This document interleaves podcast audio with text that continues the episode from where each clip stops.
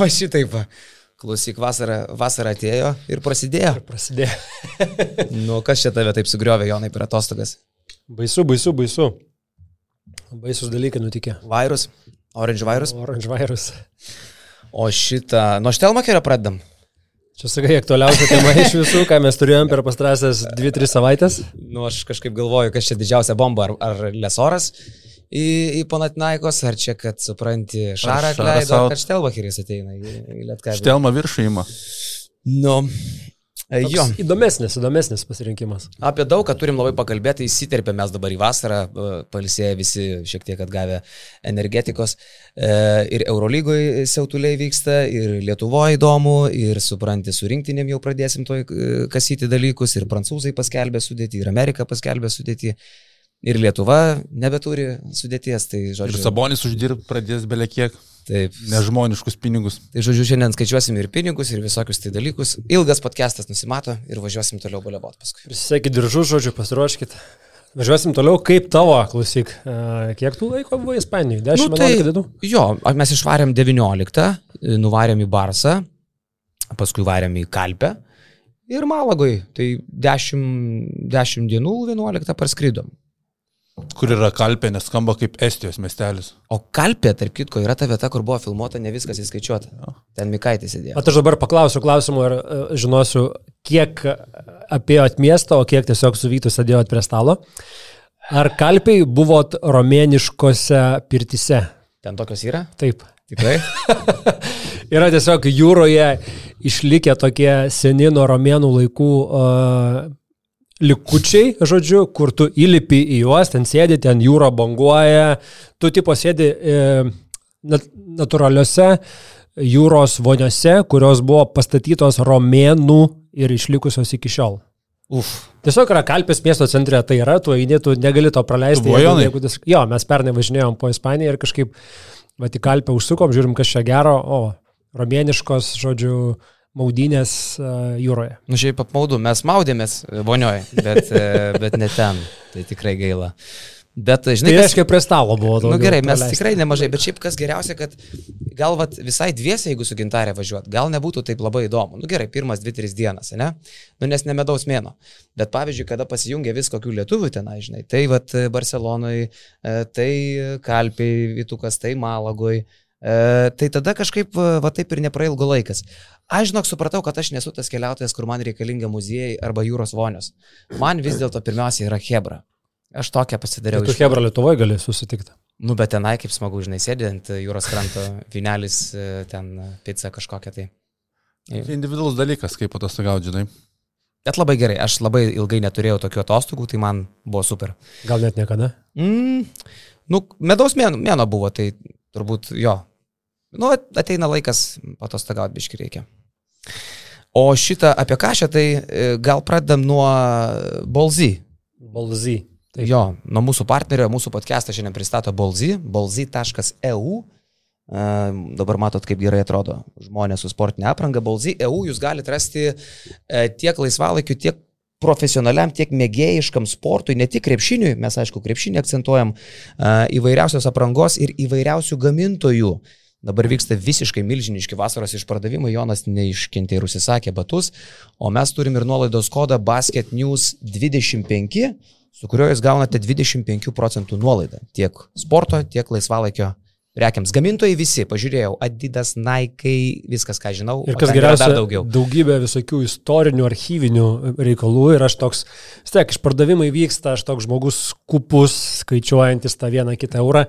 Tai kėdai, kuriuos išsirinkau, buvo su akcija 5-6 eurai, kažkas tokio. Okay. 5-6 eurai už uh, istoriniai, archyviniai 7-8, kažkas tokio, Nike, va tokie, Aha. kėdukai. Čia laisvalaikiui, ne? Supranti, jo, jo, laisvalaikiui. Sakau, puikia, puikia akcija, kurią, kurią pagavau net be basketinių kodo. Tai pritaikus basketinių kodą ta nuolaida būtų dar didesnė, bet iš esmės uh, panaršius po jų tinklapį rasite tikrai įvairiausių, seniausių, gražiausių, įdomiausių, moderniausių modelių, uh, ne tik tai Naiko, bet uh, įvairiausių gamintojų, kaip ir minėjai, pasirinkimas retai kur matęs tiek daug, kiek ten pas juos yra. Jo, jie sukaupė didžiulę bazę ir lietuvių kalba galit viską susidėlioti. Tarp kitko, nuolaidos kodas Basketinius 25 galioja tik tai tiems, kurie susikūrė Bolzy savo paskyrą. Tai vad tą dar reikia pasidaryti.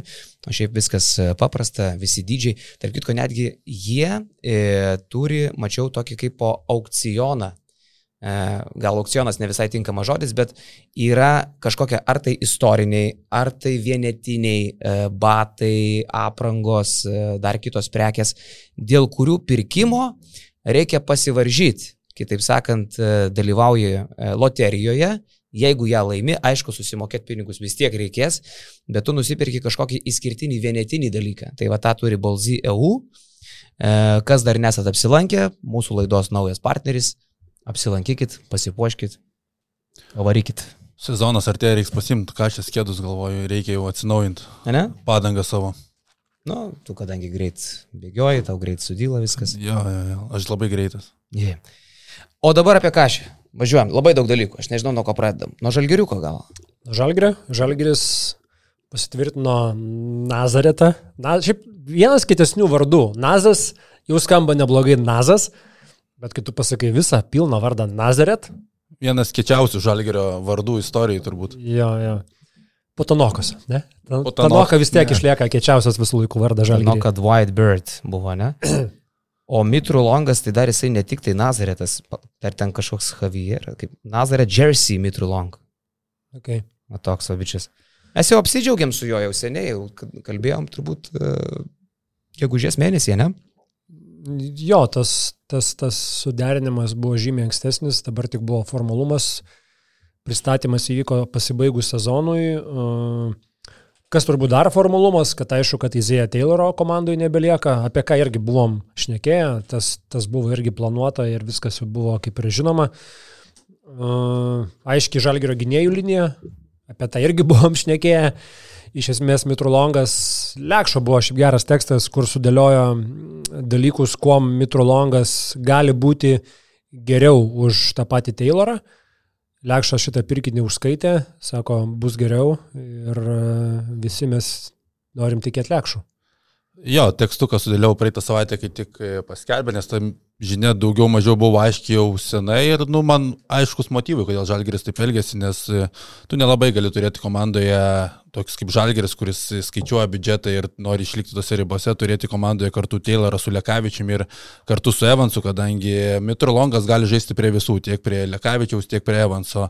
Tayloras jis nelabai galėtų būti kartu aikštelėje su Lekavičiumi, su Evansu taip pat sunkiai, nebent Evansą jau turėtum stumti toliau. Tai Mitrolongas pirmiausia dėl universalumo Žalgeriui renkamasis ir toks žaidėjas, kuris gerai atrodo ir Svičiolo gynyboje, ką Kazis Maksvitis labai mėgsto. Tayloras atsimenam, kaip buvo atakuojamas nuolat prie to svičiolo. Tai logiškas žalgerio žingsnis, gaila, aišku, idealiam pasauliu norėtųsi Taylorą turėti iš vietoj gal Luko Lekavičiaus, bet vėlgi tu nežinai, kaip Tayloras tenkitųsi su tokiu vaidmeniu. Iš Luko tu žinai, ką gaus per tas 10-15 minučių, tai kaip ir viskas logiška.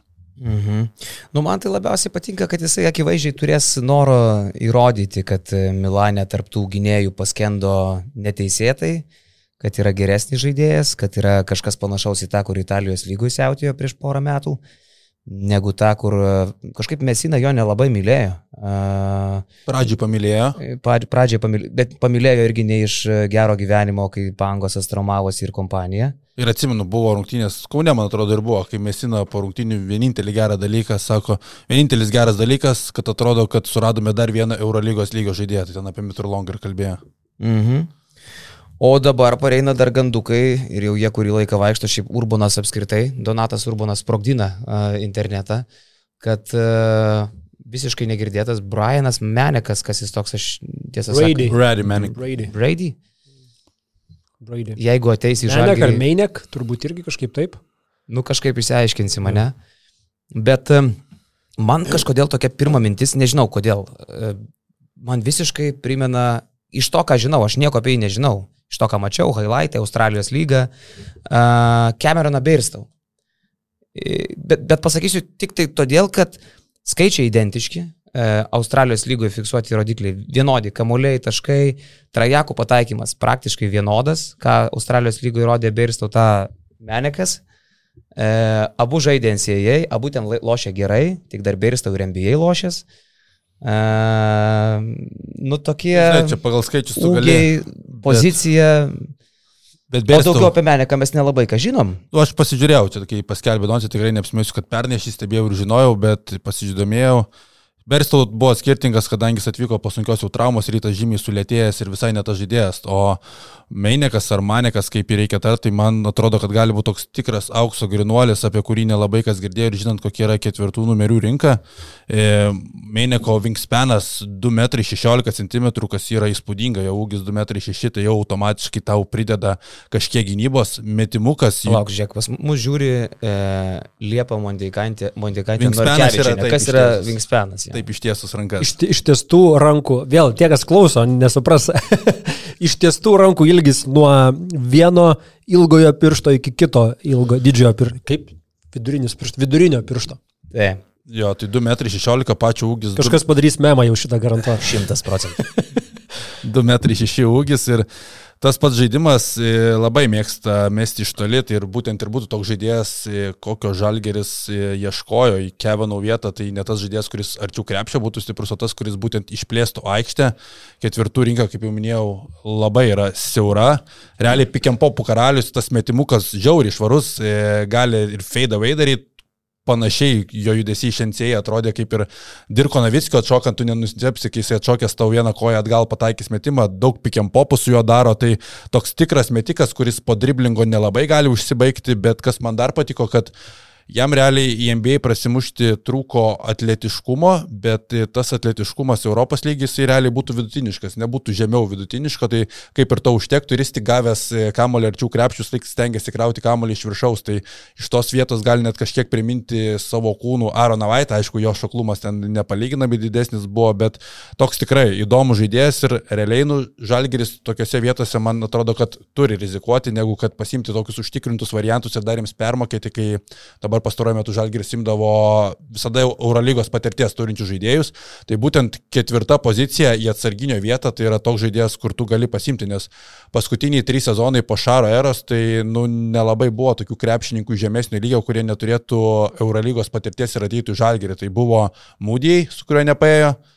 Buvo jau Šaro paimtas Vastūrijas, kurio nepaėjo, bet buvo Nybau, kuris pirmą sezoną Eurolygoje žaidė ir į aukštą ūgio vietą geriau yra rizikuoti su tokiu neturinčiu patirties Eurolygoje žaidėjui.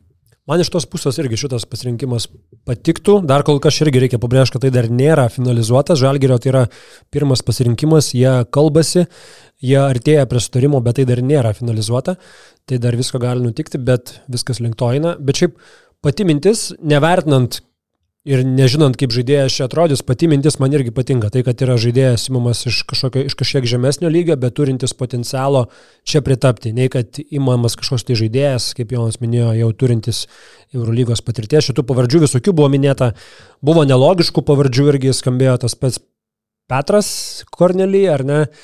Kur nu, Žalgris į atsarginio ketvirto uh, poziciją tokio žaidėjo neims, tokių pinigų jam nemokės. Tai Papa tiesiog... Petrų dar pavardė čia kažkur tai skambėjo. Dabar visokios pavardės skamba, bilė kur. Visokios, ta prasme, šiemet... Uh, Twitter'yje kosmosas. Šiemet šiaip ten belekas darosi absoliučiai nesąmonės vietomis.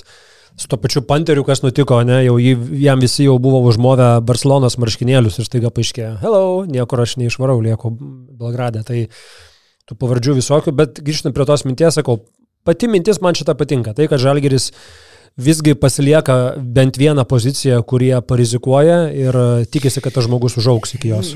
Man, aš nežinau, čia vėl spėlionė, žinai, man rizika atrodo labai didelė. Šitas bičias nėra žaidęs Europos tarptautiniam lygiui jokiam. Jis žaidė Turkijos lygui 13 rungtynių. Visa jo europinė patirtis. Daugiau nieko. Ir va tu apie tą trajeką kalbėjai, žinai, kad ten Novickio metimas, visą kitką. Aš pažiūrėjau, kad jis Turkijos lygoje 13 rungtynių Europos patirtis, viskas, daugiau nieko. Per, iš paskutinių 50 trajekų, mesdamas po 7 per rungtynės, pataikė, žinai, kiek po 13. 26 procentai. Jis ten siautė to vašę. Jis lošė po 33 minutės Turkijos lygoj, mesdavo po 7 ir daugiau tritaškių. E, ir žaidė komandai, kuri, nu, šešta Turkijos lygos komanda, vidutiniokė, absoliučią laisvę turi. Čia jisai atvažiuotų, toksai siautuliukas, atvažiuotų į komandą, kurioje yra aiškus rėmai, aiškiai struktūra, tu esi bekapinis kraštas, tau reikia labai daug ko išmokti ir man tai neprimena tų žaidėjų, kurios Žalgris imdavo jau šiek tiek pačiupinėjus čempionų lygoje, Europos tauriai, apsitrinusius Europoje. Čia atvažiuoja super tamsi katė maiše. Niekas jos e, nematė. Australijos lyga, kaip ir sakiau, rodikliai kaip beristau. Ten tu nepamatuosi. NCAA, kažkas kažką. Prospektas pats nori į NBA žavų. Bet man Vaito jau neprimena vien iš tos pusės, kad Vaitas atėjo į Žalgirį turėdamas europinės patirties. Lošės, kur Zviesdui buvo lošės Vaitas? Zenitė. Zenitė, kažkur tai jo. E, čia be jokios patirties. Ir tarkim, tie variantai, kurie skambėjo, tas pats bei, kiek pat irgi highlightų žiūrėjom, irgi kur Izraelis jautė, ten 20 taškų vidurkis. Čia man galbūt įdomesnė katė maišė, taip kaip atėjo iš Izraelio pas mus prieš tai HPL, vėliau e, Makabis jautęs Evansas, nu, Makabi nesiautė, HPL jautė, e, kaip siautė tam pačiam HPL atrodo Nybau. Tai čia tokie europiniai siautikai su tokiu potencialu pasiausti. Šitas bičias niekur labai nesiautė. Turkijos lyga, e, porą neblogų mačų, porą tragiškų mačų, bet jų apskritai yra mažai. Tik tai 13. Tokia imtis, žinai. Žinai, atsarginis ketvirtas numeris, ar tu čia gali kažkokius skelti labai aukštus jam standartus? Aš pavyzdžiui visai, aš daug seksualiau žiūrėčiau į Beno Bentilo pavardę. Atsarginis ketvirtas numeris, dabar išeina iš Zvezdos.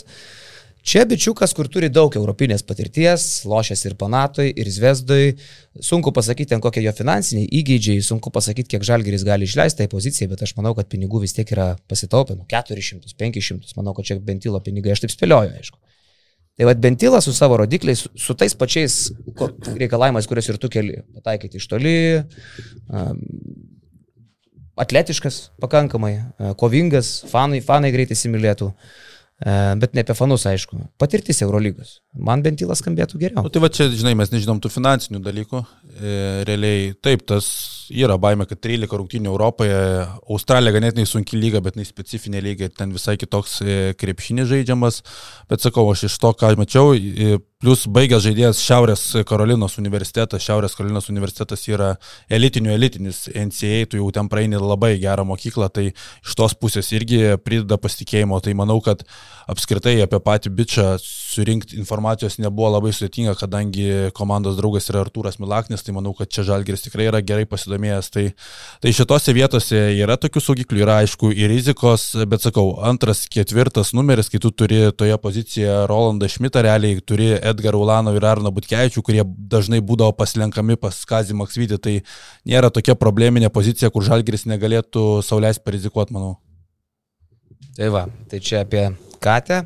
O jau ne katė, tai Danielius Lavrinovičius. E, atvažiuoja dar vienas žaidėjas, šiandien Žalgeris kaip įrašinėjom podcastą pasirašė 1 plus 1, aišku, ne šiandien pasirašė, jau čia senesnis dalykas. Jau čia Lekšas kada skelbė, prieš mėnesį. Žalio vidury. Ir žinokit, vyrukai apie Danielių Lavrinovičių geriausiai pakalbėjo, jeigu aš gerai pamenu, tai Tomas Purlys. Man labai patiko mintis, jeigu aš tik nemaišau, e, kad jam yra 25, ne? Ar 24? 29, tai 24 bet jisai yra e, toks įspūdis vėlyvesnio biologinio amžiaus, tokia buvo mintis pasakyta ir aš jai labai pritariu. Jisai realiai dabar pradeda e, prarovinėti sezonas po sezono. Aišku, reikia suvokti žalgerį, kokia bus jo užduotis. Tai jis visiškai absoliučiai. LKL žaidėjas. Eurolygoje turbūt minimaliai, ar gal visai ne, ar su labai retais atvejais.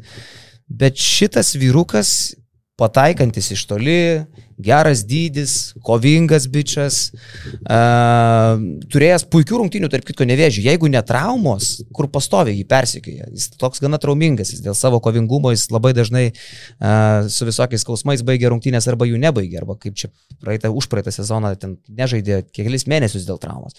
Jeigu ne traumos, tai jo tas tobulėjimas būtų dar greitesnis, mes gal matytume dar geresnį jo rezultatą. Bet iš to, kad žalgeris iš lietuvių, pigių lietuvių, na, kiek girdėjau, tai praktiškai nieko nekainuoja žalgeriui Danielius Lavrinovičius. Nu, nelabai ką tu geresnio pasimsi šiai minutiai iš tokių variantų. Tos talentų netikėjimas labai jaučiasi, kadangi labai daug išvažiuoja į NCA, kai dabar jie pinigus pradėjo mokėti, tai tu iš to baseino nesurinksi kažko ypatingo, tai man Lavrinovičiaus tas ėjimas iš žalgerio pusės tai labai patinka, realiai aš puikiai atsimenu, kai dar darydavau ir dabar dar darau perspektyviausių žaidėjų sąrašus ir kalbėjau apie 99 kartą, ten Veličkas, Sargiūnas ir panašiai, ir aš su Gedriu Žbėnu tuomet, tuomet kalbėjau, jisai buvo rinktinės asistentas e, su Donaldu Kiriu, tai jisai išskyrė būtent kaip Danielį Lavrinovičių, kaip tos kartos perspektyviausią žaidėją, kas man tuomet buvo nu, netikėta, nes tuo metu jis nelabai kažkokių ypatingų rezultatų rodė, bet jau tada Gedrius pažymėjo jo krepšinio IQ, tą gebėjimą žaisti universaliai per abi pozicijas ketvirtų, penktų ir aš sakyčiau, kad Žalgiris čia panašą įmą daro, kaip darė sezono vidury praeitais metais su Regimantu Minetu. Kažkas yra panašaus to stiliaus žaidėjai, bet iš Danieliaus Lavinovičius perspektyva yra gerokai didesnė ir jeigu taip pasisektų šitas e, variantas, pavyktų jam pritapti tame lygyje, tai tikrai sveikintinas įėjimas, klausimas dėl pačio žaidėjo, nes jisai turėjo daug pasiūlymų iš Neptūno, turėjo pasiūlymų būti pagrindiniu žaidėjų iš Lietkabelio turėjo irgi pasiūlymą, bet atmetė juos, ten jis tikrai būtų gavęs aišku vaidmenį ir geras minutės, bet turbūt Lietkabelį viską sujuka tai, kad nebelieka Nenodo Čanako, kuris pasitikėdavo jaunais ir neaišku, kas dabar bus prieš Talmacherio. Ir vis tiek, kai tau siūlo Eurolygos klubas e, pasiūlymą, tu į tą CV net ir įsirašę sezoną nelabai kur gavęs pažaisti, tu jau visai tai kitaip žiūrėsi Europoje, kiti klubai. Tai manau, kad čia viskas logiška tiek iš jo pusės, tiek ir iš Žalgerio. Bet čia vėl prieš Telmacherio grįžom. Vėl viskas ratas apsisuko. Beje, sveikinimai Žibėnui, Gedriui, sukūrų šeimą. Taip. Per savaitgalį. Didis žingsnis. Romoje dabar atostogauja, mačiau su žmona. Fantastika. Nuostabi vasara. Man Gedrius šiaip grinas italas toksai. Tas itališkas vaibas aplinky visada yra. Nu, va, įdomu, ką rytas susirinks. Kol kas taip uh, tyliai ramiai. Manau, kad dar ir su Vilkais dabar plėšosi draskosi, ne tik tai dėl Vilniaus. Kita vertus, žinai, tyliai ramiai. Ir dėl žaidėjų, ko gero. Turėdami Ehodą ir Radzevičių, jie turbūt jau viršio dalies žmonių lūkesčius. Su Radzevičium jie mane tai pribloškė, kad prasitėsi su Gyčiu sutartį. Aš buvau įsitikinęs ir didžioji dalis tų žmonių, su kuriais irgi teko bendrauti apie Gytį, buvo įsitikinę, kad jis paliks Vilnių. Tai čia turbūt ir Radzevičius ir finansiškai labai nenusiskriaudė, aš sakyčiau, nes manau, kad rytas pasistengė sukurti jam maksimalias sąlygas, puikiai suvokdamas, kad čia yra, nu, ypač jeigu Margeris išeina, tai čia yra visiškai žmogus aplink kurį tu lipdai komandą. Ne, tai dabar akivaizdu, kad Margeris išeina. Jo. Nu tai kitu atveju aš manau, kad čia rytas ir turėjo priimti tą sprendimą, kad prarasdami Margerį turėjo mesti viską, ką gali ant gyčio. Bet mes vat atsimeni kalbėjom. Margeris, Gytis, Ehodas, sakom, nors vieną išlaikys bus jau labai gerai. Dabar panašu, kad du išlaikyti. Dar jeigu netyčia kažkokiu būdu išlaikytų trečią, nu vis dėlto Margeris komandos kapitonas, nežinau, gal įmanoma sugroti ar kažkokiais tie emociniais dalykais. Nors e, jeigu ten kaip vat, kalbos čia vaikšto, kad e, prancūzų klubas ar kas ten jiems siūlo, žinai, tai nu, faktas, kad pinigais ten rytas nepasivaržys. Bet e, pavyzdžiui, tokį Margerį Normantą dabar jau, kai Vulfs gauna vietą Europos taurėjai, tai aš ir Vulfsų vienu iš prioritetų matyčiau, nes Vulfsai lietuviais ten pasigirti negali gerais lietuviais. Kol kas Vulfs apskritai tyli. Tai aš, mat, kai sakau, kad rytas su Vulfs galėtų draskytis, tai manau, kad pavyzdžiui dėl Normanto irgi. Aš manyčiau, kad dabar jau ir, ir, ir Vulfsų apetitas paauks. Bet Normantui turbūt būtų šioks toks uh, nelygis. Vėl turėtum permokyti vilkų pusį, stipriai permokyti. O, kokio, ko, o kokios problemos, kaip sako vilkai, ne? Bet ar ta žaidėjas, dėl kurio jie norėtų permokėti? Klausimas, žinai. Bet aš sakyčiau, kad rytui didelė netiktis yra kairys. E, tyliai ramiai pasirašė sutartį su Granada, išvažiuoja į ACB. Atsimenam, kaip žaidė jisai LKL finalo serijoje, tai ten buvo vienas kertinių ryto žaidėjų ir jis atrodė toks tipinis ryto biudžetų krepšininkas, kuris trumpamis atkarpomis nu, gali tau labai daug duoti. Tai kairys yra ganėtinai underrated Lietuvoje ir dabar kuo tu pakeisi backup centru kairys, nes atrodo ideali vieta. Dabar atsiranda, atrodo, spraga šitoje vietoje. Štokį net Evaldą kairį, ir mes po to prieisim prie rinkinės reikalų ir jeigu mes žinom, kad Kazis Maksvitis čia daug pasiekė su Svičiolo gynyba ir tu turi JV su, su Dimau. Dino Tai, nu, man, kai tu sakai, kad Laurinas Brutis bus trečias centras, man čia viskas skamba labai nelogiškai, nes jeigu tu, okei, okay, Laurinas Brutis yra geresnis žaidėjas, bet tu taikai vieną prie kito, tai Laurinas Brutis tau tikrai neduos kažko daugiau negu duos Matijūnas su JV, o Evaldas kairys tau galėtų svičiolą duoti. Tai aš sakyčiau, Evaldo kairio variantas net į rinkinę man nebūtų atmestinas šią vasarą. Nu, kaip pažiūri, prancūzai irgi pasiema Goberą, Falą ir Lesorą. Nu, irgi kažkas į tą pusę. Jie gali sauliaisti, žinai, goberas. Gali sauliaisti įsikalinėti ir dar jie buselė. Nu. Nu, o, o, Išsikalinėti ir tiesioginė žodžio prasme. Visiškai. O, o rytas kol kas nieko taip jau labai nedriokstelės, ne? Aš uh, negirdėjau, kad kažkas tai kažką tai iš legionierių jau čiupintų. Tai apskritai, jeigu imtume visą LKL marketą, jis nelabai, ar ne, mažiekiai nubėgė toli, toli, toli. Wow, įspūdingo komandos surinko mažiekiai. Nu, Čia, nežinau, tikiuosi, kad tie pinigai užteks, ką jie čia pasirašė, bet kaip jie susirinko, viskas ant gynėjų permesta, tai Marius Kiltinačius turės galimybę pasirodyti visų gražumų, man atrodo. Tai jeigu prie LKL, kas iš tokių bombyčių, nu tai Latvijai panašu, kad uh, turės dėl ko LKL žiūrėti, Mazuras treniruos Šiaulius, Štelmacheris Štelma. treniruos Lietkabelį. Galim čia gal ir steptelti, ne? Lietkabelio trys darbai, kol kas yra Štelmacheris, ryškiausia trys darbai. Štelmacheris, Bičkauskis kelinti metai ši, ir Orelikas. yra? Kelinti metai čia šiemet? D- 23. Tau nesitikė, kad Štelma? Štelma. Štelmo šalia Štelmos buvo Bagatskio dar kandidatūra. Ir kaip suprantu, kad Bagatskis pats visai rodė iniciatyvą, Jo. ne, ateiti į Lietkabelį. Ja, ja. Tai jis dar buvo atvažiavęs į dėl mažojo finalo seriją į tą Cidorę, ne Cido. Kalnapilio. Kalnapilio. Dabar Kalnapilio. Tai jo, jo, jis įrodė iniciatyvą, net norėjo čia dirbti, bet galiausiai iš Telmo pasirinktas. Bagatskis yra Navikausko, man atrodo, mėgstamiausias, arba vienas mėgstamiausių trenerių, atsimenu, kai į Žalgirį atėjo, 25 ar 6, tai tada Navikauskas sakė, kad čia visiškas ateities treneris, čia bus Šeštais pusreikos. aukščiausias lygis. Jo, jo, tą vidurį sezono pakeitė. Ir tuo metu jam įteikė tą trejų metų kontraktą ilgalaikį, kai, Jo. kai atleido, kai ant 40 nuo ryto gavo, ne? Zimenzė. Jo. O Štelmacheris tai kaip, ką žinau, kaip ir kairys. Kalėve geriausias jo laikas, su Kalėvu atrodė neblogai, bet šiaip visur, kur toliau darbavosi, ne, nu, nebuvo rezultatų nei su Latvijos rinktinė, nei su to pačiu Nimburgu.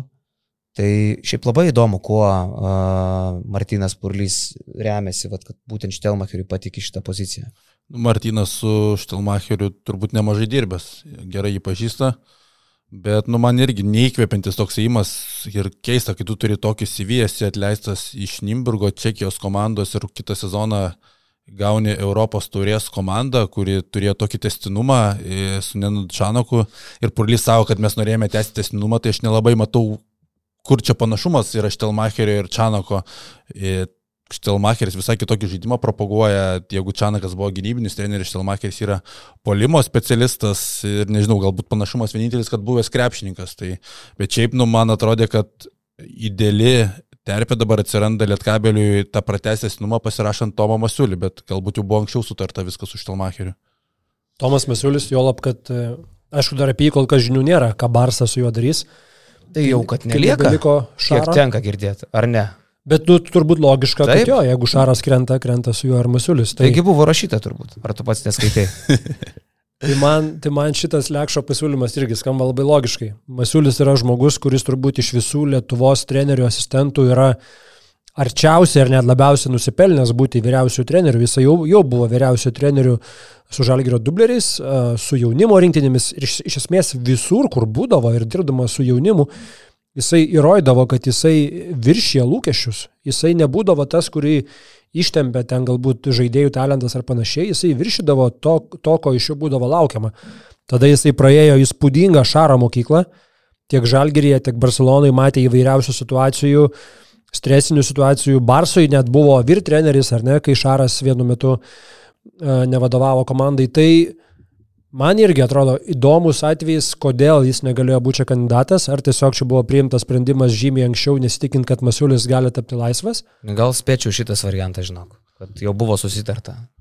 Tai realiai, kaip tu pažiūrėsi, čia mes kalbam apie Lietkabelį ir kalbam apie Tomą Masiulį, kuris e, ilgus metus dirba asistentų Eurolygos klubuose, apie Lietkabelį kalbam, o fucking Rodgeris Grimau gauna Barceloną treniruot, kuris e, treniravo tik tais dublerius. Tai, tai čia pasitikėt mažiau tikrai rizikos Lietkabelį būtų pasikės Tomą Masiulį, negu Barsą pasimti Rodgerį Grimau, bet nežinau, gal čia pataikys Barsą, kaip pataikė su Guardiolo futbolo sektoriui. Fucking Grimausakai, ne? Nu.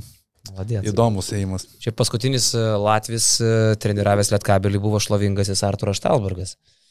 Paskui jį pakeitė Ginteras Kadžiulis ir tada atėjo Mesijas Nenadas Čianakas. Apie Štelmacherį dar girdėjau, kad jis praeitą sezoną galėjo ateiti į Prienus. Labas Gas tuo metu, kai ieškojo ko pakeisti Gaidamavičio. Tarp kandidatų turėjo Štelmacherį, ten jo atlyginimas 4-5 tūkstančiai būtų buvęs. Bet vienas iš motyvų, nu, kadangi jau praėjo daug laiko, prienų nebėra LKL, tai galima irgi pakalbėti garsiau, buvo Štelmacherio arogancija. Buvo baimintasi, kad tai yra arogantiškas bičias, su kuriuo gali būti sunku surasti ryšį ir kuris save gali iškelti aukščiau komandos. Tai čia vienas iš motyvų buvo nesikviesti jo tuo metu. Nu, Štelmacheris turi tą pavyzdį, prisiminkim, ten su Tonako Berdu, kaip kažkada a, susikyvo ir, Nu, ir ten, rizikavo gyvybę, lyzdamas po traukiniu. ten pavyzdys, žinai, jeigu, jeigu jisai buvo variantas į Prienus ir dabar jis atvažiuoja į Europos taurės, aš nežinau, sakau, mes, aš tiksliau asmeniškai kažkiek dvėjojau Utenos pasirinkimų su Kostičium, kur jau taip tu gali dvėjot, kur žmogus metuose galbūt pradeda kažkur žemyn leistis, čia man iš vis toks. Kokiuose metuose 50 kostičiai. Nu tai trenerio tai jau yra tam tikri metai, jeigu tu dirbi šitą darbą kurį laiką, jau O tu žinai, arba... Pesičius pasakytų. Pesičius, žinau ką pasakyti. Su lasdelė. Tai Štelmacherio irgi pasirinkimas, ar jo trenerio kreivė eina aukštyn, ar jau trupučiuką kažkiek žemyn važiuoja. Štelmos? Štelmas. Tai jam lietkabelis yra viena aukščiausių stotelių karjeroje. Aukščiausia. Tai ta prasme, jo asmen, asmeniškai taip, bet jo kaip visa karjera pasiekimais kažkur tai, ką jisai rodo kitiems savo darbo taip toliau, ar jinai yra važiuojanti aukštyn, ar jisai tiesiog dabar gavo tokį pasiūlymą, kur vien vardas iškelia jį aukščiau, negu jo pasiekimai turėtų šitą vardą jam užtarnauti. Aišku, žinai, lietkabelis jau turėjo žmogų, kuris užčiaupė mus, tai Nenadas Čianakas. Kas ten žino, žinai, kartais ir sėkmės žmonėms pritrūksta, kartais, kaip sako treneriai, komplektacija yra pusė darbo, taip mėgsta Kurtinaitis sakyti, netgi daugiau. Šiam 7-8, kaip ten Kurti sako, procentų sėkmės yra komplektacija. Tai jeigu komplektacija pavyksta, blogas treneris tampa geru ir atvirkščiai. Nepavyksta, labai geras tampa labai blogu. Tai mes labai staigiai pakeisim tą plokštelę, jeigu lietkabelis žais gerai ir su naro kostiumais surenksim nardymo čempionatą ir pasakysim Dievs Svieti Latvijų. Sveti Latvijų. Daug dievė, panevežiai. Nu. O taip man tai labai patinka, nuo ko jie pradėjo. E, Kad jie pradėjo nuo Dovio Bičkauskio, net nelaukdami trenerio, o gal ten turėjo susitarimą su Štelma, gal ne mes čia spėliojom, bet dar prieš trenerį jie paskelbė Bičkauskį. Tai pasim Dovį dabartinės karjeros stadijoje, tokį Dovį, kokį mes matėm Jonavoje, tokį, kuris varo ten po 30 kelias minutės e, ir, ir gaudydamas kvapą dar vis tiek pataiko ir tos trajekėlius, ir prasiveržimas, ir gynyba, vienas geriausiai besiginančių gynėjų Lietuvos krepšinio lygoj buvo Dovis Bičkauskis. Tai kad jie nuo jo pradėjo, ir dar tai bus greičiausiai backupinis, Jo, arba toks kombo, sakykime, nu, kitas žaidėjas, ateisantis kitas įžaidėjas bus greičiausiai kombo, ne, tai, tai Bičkauskui nereikės tiek art, tiek Jonavoj. Man labai patinka šitas dalykas. Bičkauskis, e, išsaugotos relikas yra Lipkevičius Maldūnas, tai tas jau lietuviškas brandalys, žinai, Super. yra uždėtas. Čia yra super. Tas yra labai svarbu. O šiaip Kemzūra dar prasitėsi Vulfsai. Įdo- Įdomus toksai sprendimas. Šiaip sakyčiau, nenustebino manęs, taip ir galvoju iš pat pradžių, kad Kemzūra liks, bet užsidėlėsi visas tas pratesimas ir tokia situacija man kažkiek primena vėl praeitą vasarą, kai Rimas Kurtinaitis ilgą laiką buvo tarptų kandidatų, bet buvo trečia, ketvirta opcija, čia irgi dabar buvo vėl bankį kandidatūra, buvo Čanako noras turėti, galiausiai tie atmeta ir pasiemamas Kemzūra, tai sėkmės kestui, kad, nu, sakau, jeigu vėl kažkas pradės nesiekti, vėl bus prisiminta, man atrodo, Kurtinaičio istorija. Šiaip įdomu, ar jie taip ilgai laukė e, pasirašyti ir dėrėjosi su bankai ir taip toliau, ar jie su kestu susitarė, bet tik paskelbė vėliau. Ar toks variantas turbūt įmanomas. Bet labai keista, kad jie Kemzūra pranešė po to, kai paaiškėjo Europos taurė, kad jie žais Europos taurė. Jo, bet aš kiek žinau, ten didelė nežinomybė buvo dėl, dėl Kemzūros ir ten tik paskutiniu metu prieš pat paskelbimą išaiškėjo, kad jisai tęs Tai darbą. reiškia dėrėjosi su kitais. Nu, toksai keistas šiaip. Žinai, pačiam treneriui turbūt yra e, paminama šiek tiek savigarba ir savivertė, kada tu supranti, e, kad tu nesi pirmas variantas. Kai tu žinai, kad e, nu, tu esi planas B ar ne C ir nu, su tuo nesusitarėm, bankai negali, tas negali. Kita vertus, tada- turbūt Kemzūra žinojo, kad jisai bus pirmas lietkabelio pasirinkimas, jeigu tik tai Vilka jį paleis. Jo, jo, bet, nu, apie tai, kad jisai, žinai, treniruoja vilkus, aišku, kaip kurti sako. Sako, aš profesionalas, man neįdomu. Aš žinau savo darbą, žinau, ką aš galiu, aš ten nesikišu į tuos, ką jie ten, kur ten kelintas aš numeris. Dirbu, reikia, nedirbu, nereikia, žinai. Gal kestas irgi tą perėmės. Kažką, kažką nustebino tai, kad Vilkai žais Europos tauriai. Uh, Kažkas nustebo ypatingai dėl to, kad Žemelio tie pasisakymai buvo, kad Eurolyga yra Europos krepšinio vežys ir dabar Eurolyga priema į savo šeimą uh, šito žmogaus komandą. Manęs tai kažkiek, nežinau, žinant, žinant kad pernai... Iš kokių akcentų pasakai? Kažkiek- Manęs tai kažkiek... Nelabai, nelabai. Žinant tai, kad jau pernai jie galėjo tą vietą nusipirkti už 300 tūkstančių, bet tiesiog jiem ta suma pasirodė per didelė pirmais metais mokėti ir jie neėjo į Eurocapą. Šiemet jie susimokėjo mažiau ir nuėjo. Tai žinant, kad tai yra vis tiek Vilnius, tai yra arena didelė, tai yra krepšinio rinka. Antram tokiam turnyrui turėti tokią komandą yra irgi šioks toks prestižas. Tai nieko keisto, kad niekas nepaėmė kažkaip per giliai iširdį tų žemelio žodžių. Jie tikrai buvo išgirsti, faktas, bet niekas dėl to kažkaip neįsižeidė per stipriai. Ir vilkai žais ten, kur jau jie tikėjosi, kad pernai žais. Tai čia, manau, ir jiems nemažas laimėjimas. Ir, Ir žais už mažiau nei pernai, ne? E, Taip panašu. Tas mokestis tikrai mažesnis. Turėjo būti ženkliai mažesnis, negu, negu, negu būtų tekę mokėti pernai. Kažkas apie 150 tūkstančių tokia suma galėtų būti. Bet tai nėra 300. Jo, jo. Šiaip pergalė Lietuvos krepšinį. Paskutinį kartą Europos turėjai du klubai žaidė dar 2017-2018 sezone. Dabar ir Vilkai, ir Lietkabelis, kai dar sezono pabaigoje kalbėjo daugelis, kad, nu, ir pats Martinas Purlys sakė, kad vienas klubas tik tais matomas Europos turėje, bet dvi komandos, tai dėl to labai džiugu, realiai dabar jau keturios LKL komandos vedančios žais Europiniam turnyre. Ir žais skirtingose grupėse greičiausiai. Nu, bent jau kai burtai būna Europos taurės, jie stengiasi, kad nebūtų e, vienos šalies komanda e, vienoje Turėtų grupėje. tai būti jo ir kei- keičiasi formatas nuo kito sezono. Taip. Tai formatas e, toks ir toliau 20 komandų, ir toliau kiekvienoje grupėje po Dvi grupės 10. po 10. Tik į playoffus išeina šešios. Pirmą, antrą vietas užėmusios komandos keliauja į ketvirtfinalį ir laukia savo varžovo iš aštuntfinalio. Aštuntfinalį žaidžia keturios komandos vienos grupės, keturios kitos. Žaidžia iki vienos pergalės e, aštuntfinalyje, iki vienos pergalės ketvirtfinalyje. Ir pusfinaliai sudaro dviejos rungtynės, namai išvyka, finalą irgi dviejos, finalo serija iki dviejų pergalių. Nu, ma- gerai mažiausiai paliko. dviejos. Jo. Iki dviejų pergalių. Taip. Gerai, kad dabar padarė, tokį viduriuką padarė, mes anksčiau kalbėjom, Jonas, aišku, buvo to formato šalininkas, kur vienos rungtynės iki pat galo viskas gerai, bet aš sakiau, kad turi kažkokį ras viduriuką, kur tiek intrigos ir sensacijos prasme, tiek ir tose lemiamuose mačiuose tu palieki, nu, pačiai sistemai daugiau išsispręsti, tai iki dviejų pergalių tai jau yra tas toks rezultatas, kur negali būti atsitiktinumas, jeigu tu laimi seriją iki dviejų pergalių. Jo, ir e, dabar aišku įdomu, kaip atrodys sudėtėlė Vulfsų, nes aš taip įsivaizduoju, kad jeigu jie nebūtų patekę į Europos taurę, e, ko gero tas biudžetas būtų panašus kaip šiemet, labiau taikomas LKL-ui. Dabar reikia manyti, kad jie neapsiribos 3-4 milijonais. Tai aš įsivaizduoju, kad ir Lietuvos krepšinio lygoje šita komanda turėtų būti dar stipresnė, nors aišku, pinigai jam nieko, nieko negarantavo praeitą sezoną. Nu, gal Keiveris dabar pasiliks. Nu, aš, aš manyčiau, kad jau turėtų būti bent jau kažkokie tokie norai. Taip, taip.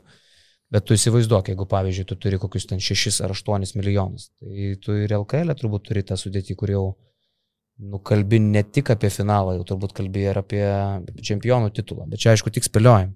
Kol kas jie nieko neturi pasiemi. Atsisveikinu, aišku, su Herku Kumpiu ir Tomu Pačiesu. Pačias era baigta.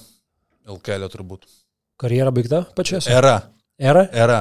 LKL, nežinau. Šeši sezonai LKL. Nu, tai jau era. Šeši sezonai LKL. Solidu. Kažin, pensiją gauna už tai? Būna lygų, kur ten turi atžaisti tam tikrą laiką, aišku, LKL jokių pensijų. Nesuderinta dar šitas dalykas. LKL. Jo, jokas juokais, bet gal lietuviškų temų gana. Nukeliaujam ten, kur biški buvo Jonas užsiminęs, apie pavartojo tą žodį Rožerį Grimau ir Mhm. Šaro situaciją visą, Mhm. kur buvo tam tikras, tam tikras tsunamis Europos krepšinėje, sakyčiau. Išlindimas Šaro naujienos nustebino ne vieną, e, ne tik tai Lietuvoje, ne tik tai Europos krepšinio pasaulyje, bet ir pačioje Barcelonoje.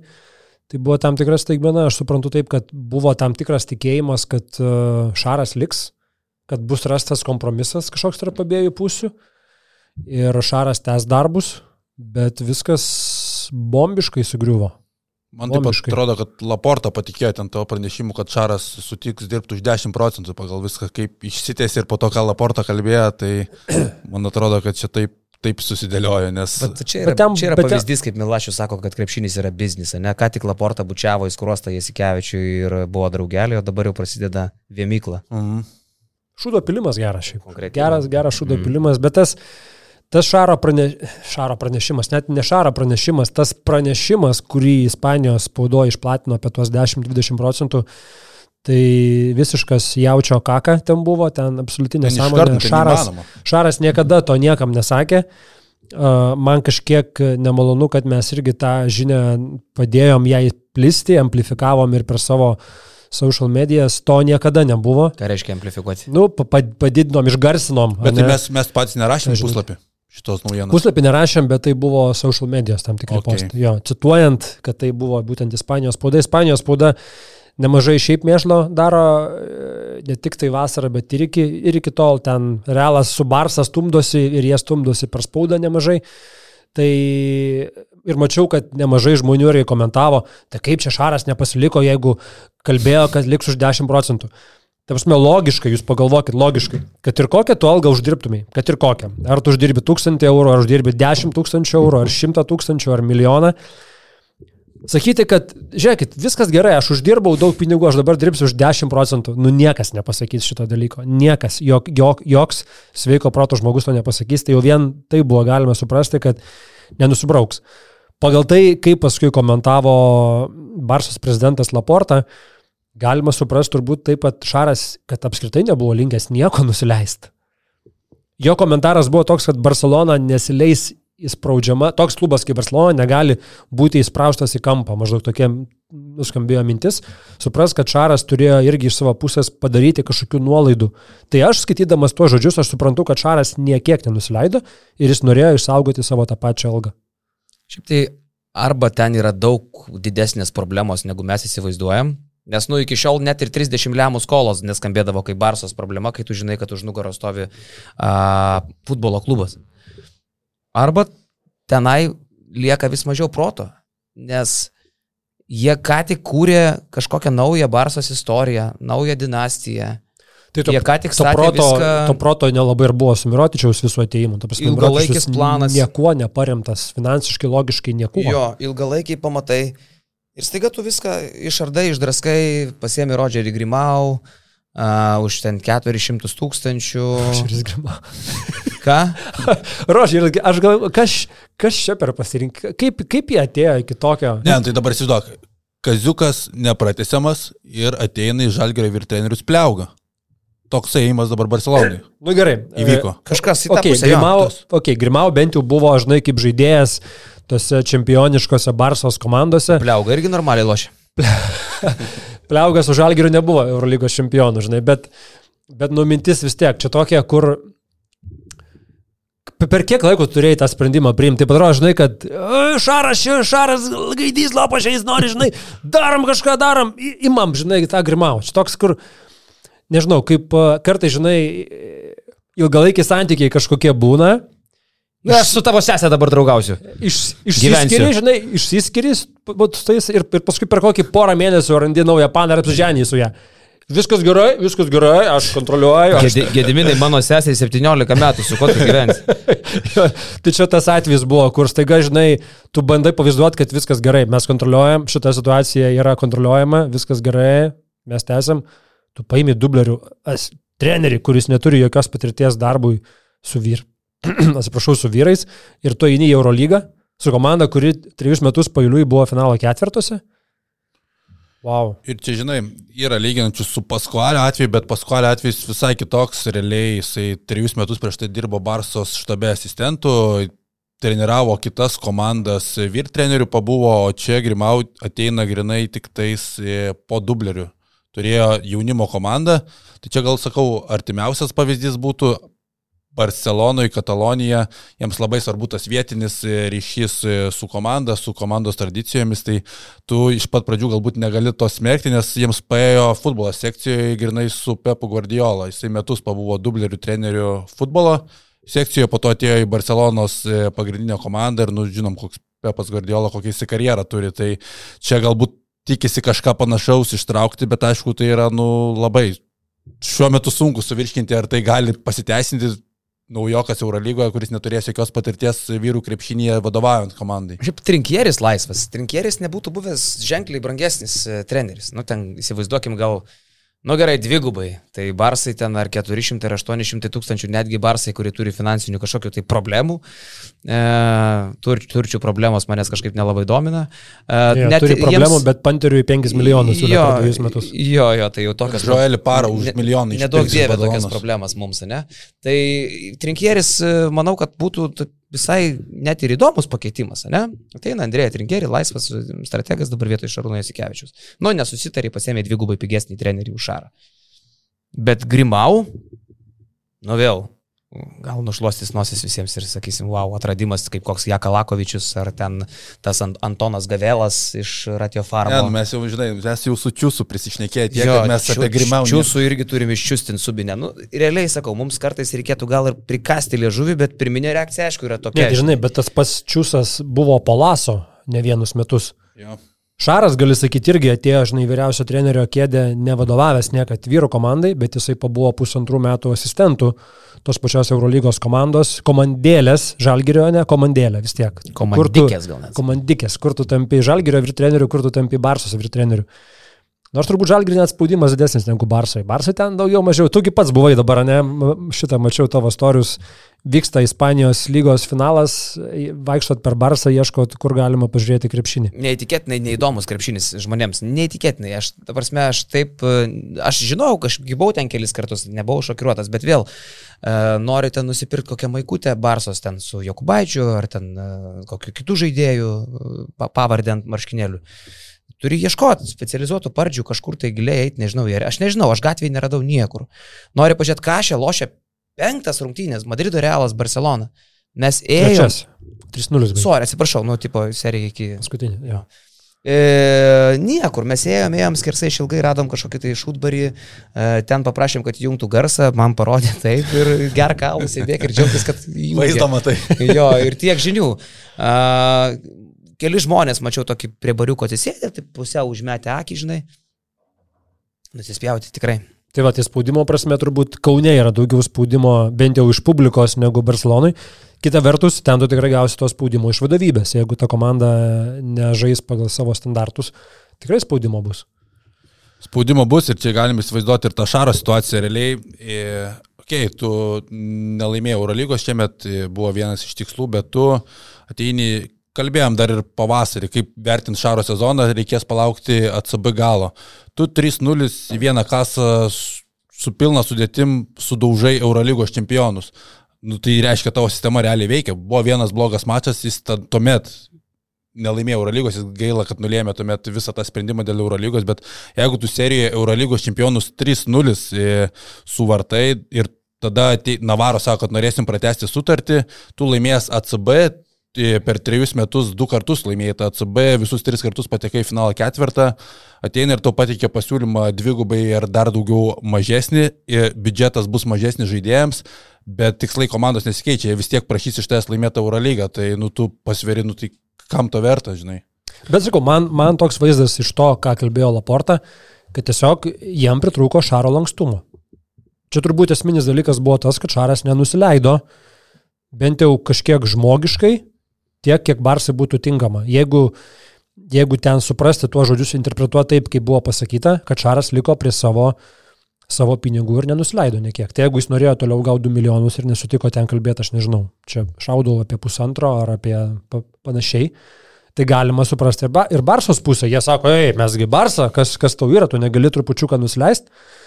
Tai iš tos pusės, nežinau, gal tiesiog Šaras metus paims, palsės. Uh, nieko neveiks, per tuos metus gal Grimau feilins ir po metų, kaip seną gerą pešičių šarą kvies atgal, sakys, grįžk tvarkyti reikalų, nes nelabai čia mums sekėsi. Sikvies Knispilėne, kad pravestų atleisk laidą Katalonijos sostiniai. Man atrodo, apskritai, sorry.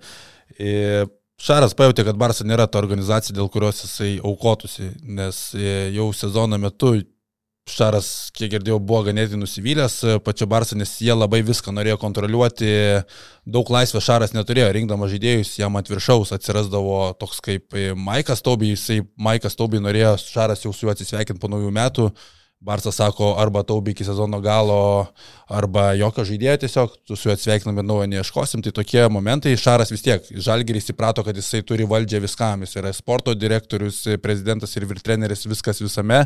Tokioj Barcelonai jis to negavo ir natūralu, kai tu samdai tokį trenerį su tokia alga, patikėti jam ir tą sudėtį komplektuoti, nes jam reikia žaisti su tai žaidėjais, o ne Navaro su jais, tai žinai.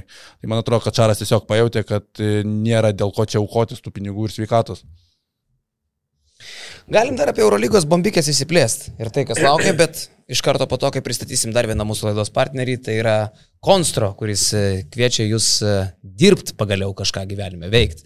Jeigu esate elektrikai, suvirintojai, montuotojai, Arba jaučiat, kad tokiais galit būti, tai konstro... Iš esmės jau vien pavadinimas sufleruoja. Konstro konstruoja kažką, tai va, žodžiu, jeigu konstruojat, pavirinat, paelektrikuojat, pamontuojat, Taip. tai yra tai, kas turėtumėt išplės dabar ausis. Taip, ir konstro, netgi, sako, aš pasakiau konstra praeitą laidą, tai jie pabrėžia, kad tai yra konstro yra konstro, absoliučiai ir niekaip kitaip, jie jūs gali įdarbinti užsienyje. Ir tai yra subrangovai, kurie ieško e, elektrikų, montuotojų, suvirintojų, specialistų, kurie Mm, jeigu dar ir neturi maksimalių įgūdžių, tai juos gali ir apmokyti, Lietuvoje tam yra įsteigti filialai.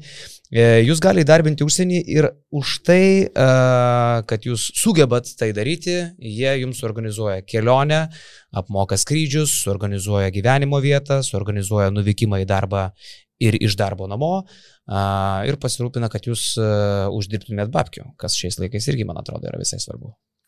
Vieną kitą pinigą į kišenę įsimes neblogai. Taip, čia kalbam apie užsienį, taip? E, taip, tai įvairios šalis, e, vat, pasižymėjau ir Švedija, ir Suomija, Norvegija, Olandija, Belgija stato objektus, konstro kaip subrangovas. E, tai tie patys vokiečiai. Tie patys vokiečiai, ar net tas pats turkas. Vaizduokit, nors šiuo metu Turkijoje mažiau, bet visur kitur. Ir šiaip tai gali paaiškėti bet kada. Tai nueinat į Konstro, a, susisiekėt su jais, įtraukė jūsų dombazę ir bet kada galite sulaukti skambučio, kad o, Sigi, žiūrėk, yra, statom, reikia tavęs, tu ten neblogai laidus kažką tai pravedžioji. Mums tavęs reikia. Mėnesiukas, projektėlis, važiuok. E, kelionė, apgyvendinimas, transportas, darbo priemonės, apranga, maikė, netgi batai. Netgi šalmas. Iki tokio lygio. tu, ne, tu nelipsi ant e, pastolių, tu e, ne, ne, ne, nepririštas. 24 aukšte ten elektrą vedžioji be šal. Ne, šalmas čia bus. Blaiviai, blaivus darbas. E, Reiškia. Kontraktai, oficialu, viskas nu, tvarkinga. Nu, Studentų va irgi jaunoji karta, sako, ateitis konstro, kuriems reikia darbo patirties, tai irgi biurai, klaipėdoj, plungiai netgi, išvykimas tiesiai į projektus užsienį, apmokymai ir taip toliau. Nu, žinai, žmonės kartais verkia, nėra darbo. Ar tu ieškai? Ar tu ieškai, Antanai? Konstro. Kas dirba, tas randa. O taip. Taip, o tu čia užsiminė apie Eurolygos bombikės. Man tai čia labiau ne tai, kad Eurolygos bombikės, o kad ant Eurolygos buvo numesta bombikė, kuri ištekino talentus į kitą Atlanto pusę. Talento nutekėjimas. Nutekėjimas toks buvo, kad net Eurolygos e, Twitterio administratorius įvarė labai neblogą tweetą, parašė, e, kreipėsi į Važnorovskį, please stop. Liaukis, liaukis skleidęs šitos šitos tweetus apie tai, kaip mūsų geriausi žaidėjai išvažiuoja. Visa... Ei, bet ne tik Važnorovskis, Donsė praneša apie Tavarešą į Blazers. Donsė, Donsė, jo, apie Donsė su Važnorovskiu, aš dabar galvoju, kad Važnorovskis tikrai namuose sėdi ir Jis mane užpys, aš negaliu, ta prasme. Jis tikrai nervuojas, nes e, jeigu jau Skariola kala frazę apie tai, kad yra du, tai manau, kad Vožas irgi jaučia, kad e, Donatas Urbonas is, is ready. Žinai, kas nervuosi? Kas nervinasi? Nervinasi Šams Šaranė, kuris yra su Važnorovskiu.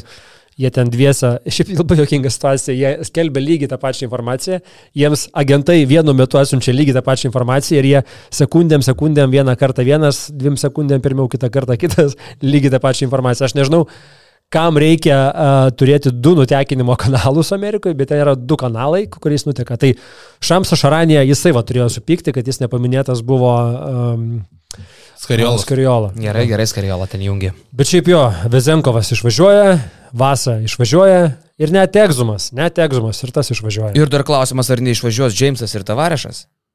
Džeimsas ne, ten, man regis, tas pats Donsė paneigė, kad čia... Dėl Phoenixo. perlenkta lasda dėl to buvo. Važnarovskis paskelbė, Donce paneigė. Tai buvo. Važnarovskis Ne, neskelbė. ne, žingsnį. Važnarovskis ten. Ten kažkas mažesnis. Steinas gal? Jo. Bet šiaip, Bet šiaip, dėl ko, mes, dėl ko mes džiaugiamės pernai, ne, kad išsaugoti, kad vasarą liko, kad Vezenkovas neišvažiuoja šiemet, visgi tie pinigai ir galbūt tas pats vertinimas iš Amerikos europiečiam žaidėjim, nes irgi pakankamai naujas dalykas, kad krepšininkai, kurie yra pakankamai brandaus amžiaus, jie domina NBA komandas ir jie gauna šansą įrodyti save ir tai turbūt irgi yra tam tikras europinio krepšinio vertinimas to, kas čia vyksta.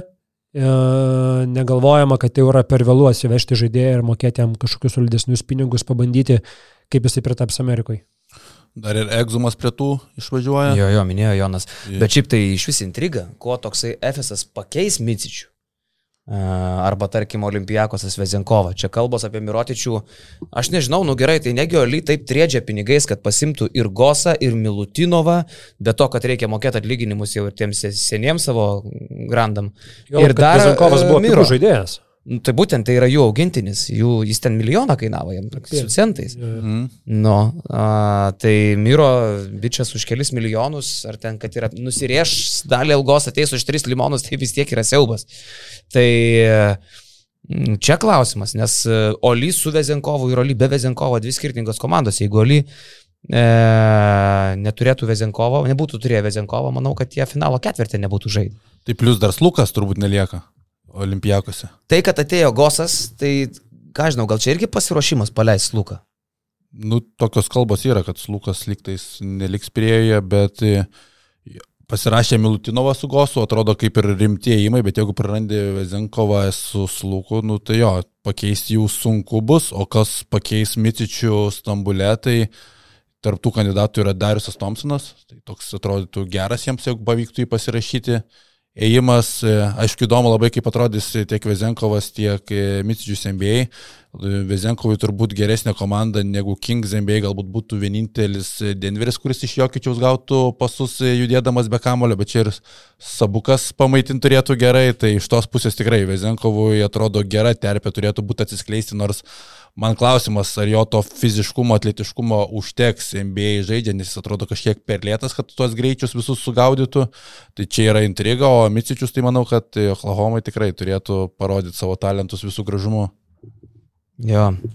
Nu, tarp intrigų dar pasižymėjau, kur, kur eis trinkieri, nes dabar jau nebelabai toj turės kur eiti apskritai. Turbūt tik Monakas lieka tarp tokių variantų, ne? Alba gal dar ten su Izraeliu Gonzalėsu ne iki galo garantuoti, nes nėra, Alba iš vis dabar tyli. Bet e, trinkieris ką, gal irgi pasiema Gepierą? Gal irgi, jo. Nu, keista, kad Monakas su, su Saša nesutarė. Man žinai dar kas keista, kad žmonės e, ieškodami Šaroj naujos darbovietės vis mini Monaką. Bet aš niekaip neįsivaizduoju, kaip Šaras eitų į, į sukomplektuotą, ne pagal save visiškai surinktą komandą. Nu gerai, Barsą jisai darė ten išimtį, e, bet Barsą ir, ir kitokio stiliaus komanda, artimesnė gal Šarui komanda. Čia visiškai kitokia komanda. Ir čia dar plus Maikas Džeimsas laukia, galimai. Ar Šaras gali būti siejamas su komanda, kurioje yra Maikas Džeimsas, kurioje yra viskas surinkta ir visiškai netitinka, ko gero, Šaro įsivaizduojamo kolektyvo. Aš kažkaip matau, kad Šarui čia grėsia arba Memphis Grizzlies, kaip ten buvo plėtkai, nors kažkas irgi jau jos dabar neigia visiškai asistento rolę, arba garantuota pauzė. Kad asistento ten galėjo būti domėjimasis taip, bet ne už tokius pinigus. Dviejų milijonų asistentui niekas nemokėtų, jeigu tai yra asistentas atvažiavęs ką tik iš Europos, nelabai turintis kažkokios patir- patirties Amerikoje. 2 milijonai tu gali čia mokėti, kur būna tie associate head coach, kur neva du head coachai dalyjasi ten Ne, pareigas. nu Šarui reikės mažintis, mažintis tada, uh, kaip čia, išsižiojimą, nes jeigu tu kažkada galvoji dirbti MBA, tau reikės būti asistentų. Nei Kokoškovas nedirbo, nei tas Ra- Rajakovičius, dabar kur irgi uh, Raptors treniruos. Uh, Kokoškovas, žinai, kiek klubų pakeitė iki tapdamas vyriausiu treneriu? Devynis.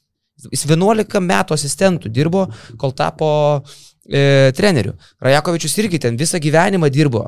Tu, negal, tu neteisi į NBA nepabuvęs asistentų. Nėra taip. E, pofig visiems, kaip kažkada sakiau, pohui man tas Kiltinavičius, tai ko gero NBA lygiai taip pat gali pasakyti ant, ant šaro. Nes e, jiems ten jis niekas, jis ten žaidė porą metų, Tai jeigu Šaras puoselė šitas mintis, jis turės nusiriešti atlyginimą, turės susimažinti įgėdžius, nes kito kelio aš ten nematau.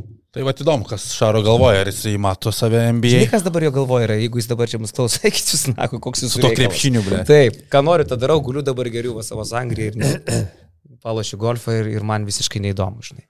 Bet čia užsiminėm apie tą talentų nutekėjimą, tai matėt, kokio atlyginimai dabar NBA vaikšto. Ta prasme, e, Lendilas, ketverių metų kontraktas 32 milijonai.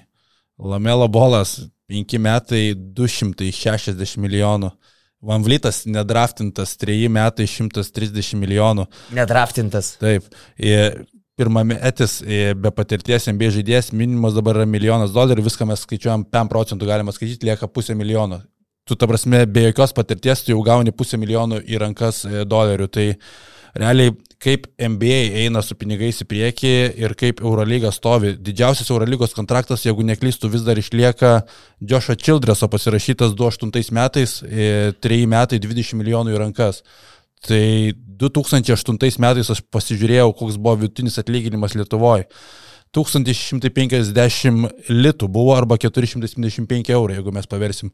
O algos Europoje realiai krepšinėje išlikusios tame pačiame dipazone. Realiai Markusas Braunas, kiek tu sakei, uždirbo 2800 tūkstančių žalių, ne? Ir mums dar tai yra kontraktas kaip didelis.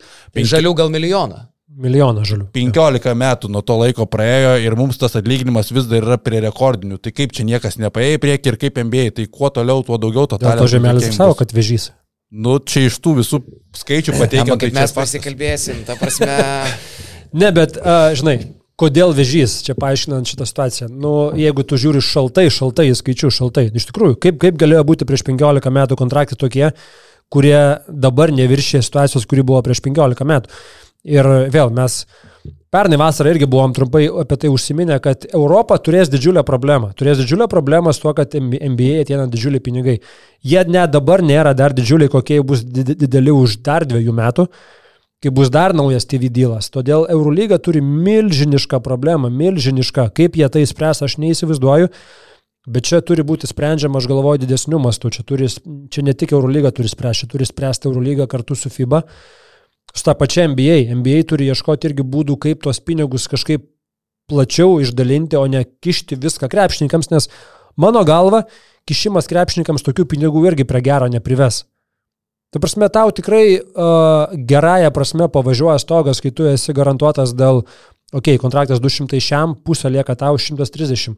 O, čia o potencialiai jau kalbos apie milijardinius kontraktus prasideda. Čia užtenka tau, užtenka tavo vaikam, tavo anūkam tokių. Čia mes pinigų, apie lamelo bolą kalbame. Apie lamelo bolą, lamelo bolą, šitas, šitas kamuolys. 200 šią milijoną. Wow. Prienose buvo prieš kelis metus. Wow, jo, ir, ir, žinai, ir tikrai tie pinigai Toli gražu, ne visiems šis nauda. Mes matom dabar du pirmi šaukimai 19-20 e, metų uh, - Zajonas ir Džamorantas. Vienas Vienas uh, taikosi turbūt apneštuot kuo daugiau striptizo šokėjų ir porno aktorių, kitas dabar turės palsėti nuo krepšinio, nes negalėjo susilaikyti nepamojavęs ginklais Instagram'e. Tai vad, Hebra, turėdami didžiulius pinigus, paleisdami uh, savo galvą ten, kur nereiktų jos paleisti. Ir neaišku, kurią galvą dar. Ir neaišku, kurią galvą rūpinasi, nebe, ne apie krepšinį. Tai Aš galvoju, čia ir NBA tam tikras galvos skausmas, kaip su tokiais pinigais išlaikyti motivuotus, ir norinčius toliau verstis per galvą krepšininkus, nes iš esmės nu, visas yra sportininko dalykas, kad tu, tu aukoji savo kūną, ne? Tu aukoji savo kūną tam, kad tu pasiektumai kažkokių tikslų. Tu žinodamas, kad tavo kūnas tau uždirbs šimtus milijonų, ar tu jau aukosi taip stipriai, tu gal į trupučiuką pagalvoji, kad tu gal į patausosi kažkiek. Gal man nebūtina tapti čempionu, koks man skirtumas, aš, aš geriau paturėsiu gerą 15 metų karjerą ir užsidirbsiu milijardą, ne? bet nieko nelaimėsiu. Tai čia ir tikrai galvos skausmas NBA, kaip jiem tos pinigus irgi paskirstyti, nei kad tik tai išmokėti viską krepšininkams. Tai turės čia galvoti, turės kažką galvoti FIBA, Eurolyga, ta pati NBA, kaip, kaip padaryti tuos pinigus naudingus visiems. Mes čia labai akcentuojam dabar tą naują NBA dylą, parduodant mediją teisės, kad uh, viskas, kad, kad NBA pradės gauti 3 ar 350 procentų daugiau uh, įplaukų iš televizijos teisių, negu kad e, dabar yra. Ne? Ir kad jeigu dabar klubas iš lygos gauna 90 milijonų per sezoną, didžioji dalis tų 90 milijonų yra iš televizijos teisių, tai potencialiai ateityje, artimoje ateityje, kada naujas dylas atsiras, po kelių metų, ne? 24-25? Tai, Tai po šito sezono. tai potencialiai klubai iš lygos pradės gauti nebe 90 milijonų, o kiekvienas po 270 milijonų. Kažkas tokio yra tokia matematika. Tai kitaip sakant, aš vat ir žmonėm gal bandau paaiškinti, kas mažiau gilinosi, kitaip sakant, klubas žaidėją mokėti galės tris kartus daugiau negu dabar, e, potencialiai ateityje. Tai jeigu dabar Domantas pasirašo 217 milijonų kontraktą, Tai žinai, tai visai netrukus artimo ateityje krepšininkai pradės pasirašinti kelių metų 6-700 milijonų kontraktus. Tu tą nori pasakyti. Tai va tokie masteliai. Tai man tai didžia, didžiausia baime yra net ne, kad krepšininkai išleps ir pradės taupyti kūnus, o kas liks iš Europos krepšinio, jeigu jisai liks šitoje vietoje, kur jisai yra. Nes kuomet 16, 25 NBA klubo krepšininkas, pamirštas G lygoj, kuris e, G lygos autobusiuką užkūrinėja, Kur- kur uždirbs G- kelis milijonus. G lygą dar net neinvestuoja NBA. Kai Taip. pradės keltą lyginimus G lygoj, Taip, taip, sorry. dieve, dieve mano padėk Europos krepšiniui tada tikrai, nes Taip, nes tu būsi Tada- 30 žaidėjas, uždirbi kelis lemus. tu geriau, tu čia geriau, sėdi, tu geriau sėdi pas save namie Amerikoje, žaidži toj G lygoje gaudamas geresnius pinigus negu Europoje, būdamas lyderis, turėdamas kentėti visus tos durnus fanus, kurie tau rašinėja Instagramą, nesąmonės, žudys tavo šeimą, bla bla bla. Tu savo ramiai sėdi uždirbinėjai pinigus G lygui. Tai NBA dar net neinvestuoja į G lygą. Kai pradės tą daryti, aš nežinau, kas čia bus toliau Europai. Tai o kokia, pavyzdžiui, tavo mintis būtų, kad e, Eurolyga parduotų Amerikai, pavyzdžiui, kad būtų... E, Ne, čia tiesiog Nes buvo kažkada kalbos, kad NBA valdytų turi Eurolygą. Mano galva, mano įsitikinimu, turi atsirasti normalus kompensavimo me- mechanizmas. Toks kaip dabar yra, ar ne, su to pačiu tavarėso išėjimu, okei, okay, jeigu tavarėsas nori išeiti į NBA, jo yra išpirka, sako, Dons rašė, kad net didesnė negu buvo to paties kampaco 6 milijonai. Tai va, aš suprantu, realas uždeda išpirkas tokias. Kodėl tai negali būti taisyklė apskritai visur Europoje, didžiulių išpirkų, kad jeigu mes jau esam tas donoras, kuris čia vat, krepšininkams suteikia namus metus, dviejus, trijus, suteikia geras varžybas, suteikia galimybę aukti, tobulėti, kodėl mes negalim turėti normalių išpirkų? Tai čia yra situacija ir čia yra problema, kurią turi spręsti ne viena Eurolyga, o turi spręsti Eurolyga su FIBA, kalbėdamasi su NBA, nes NBA, NBA savo pajamas augina, o ta išperka maksimaliai, kuri, kur, kurią galima mokėti e, klubams, pakilo kiek, nuo pusės milijono iki 750 tūkstančių. Ta prasme, jiem čia yra tokie centai. 705 tūkstančių sumokėtų už kažkokį žaidėją, kurį tu išaugini, jie juokiasi kiekvieną kartą pervedinti to- tokius pinigus. Ta prasme, buhalterė, aš net nebejoju, kvatoja, realiai, tą pavedimą darydama kvatoja. Tiesiog 705 Na tūkstančių. gerai, bet Jonai, o ką tai keis? Tai tokių žaidėjų kaip Vezenkovas, Mitičius e, ar Tavarešas, kuriuos tu apkrausi tenai e, e, išpirkom ar kampaco, nu jų yra keli, keli per metus, ne? Tai nepakeis Europos krepšinio finansinio pajėgumo iš esmės. Vis tiek kalba turbūt sukasi pagrindė apie tas televizijos teisės magiškas, apie kurias mes šiek tiek daug šnekam. Ir aš manau, kad vienas iš Pauliaus uždavinių, apie kurį jis gal tai spaudos konferencijoje labai daug nekalbėjo, bet, bet buvo pora užsiminimų. Aš manau, kad vienas iš jo uždavinių bus čia per kelis metus kažkokiu būdu šitą klausimą spręsti. Tik kaip jį spręsti, kai ten kontraktas 10 plus 10 su AMG, a ne? Ir e, ar tai iš vis sprendžiama, va čia man įdomiau. Aš sakau, mes šnekam apie tai, tarsi tai bus labai negreitai. Bet NBA tai turbūt bus jau po kelių metų tie tokie kontraktai, kurie Europos krepšinį pavers skudurinę onutę. Ne, jau dabar tai matosi. Ta prasme, dabar akivaizdu yra vienintelis europiečiui uh, akstinas žaisti Europai bus tas, kad tau atsibodo būti 15 žaidėjų, tu nori pabūti kažkuo. Tai pa- parvažiuoji į Europą, pabūni kažkuo, metus dviejus sakai, ačiū, aš pabuvau kažkuo, aš vėl noriu parvažiuoti, tiesiog šaibų užsikalt. Pabūsiu tas 15 žaidėjas, whatever.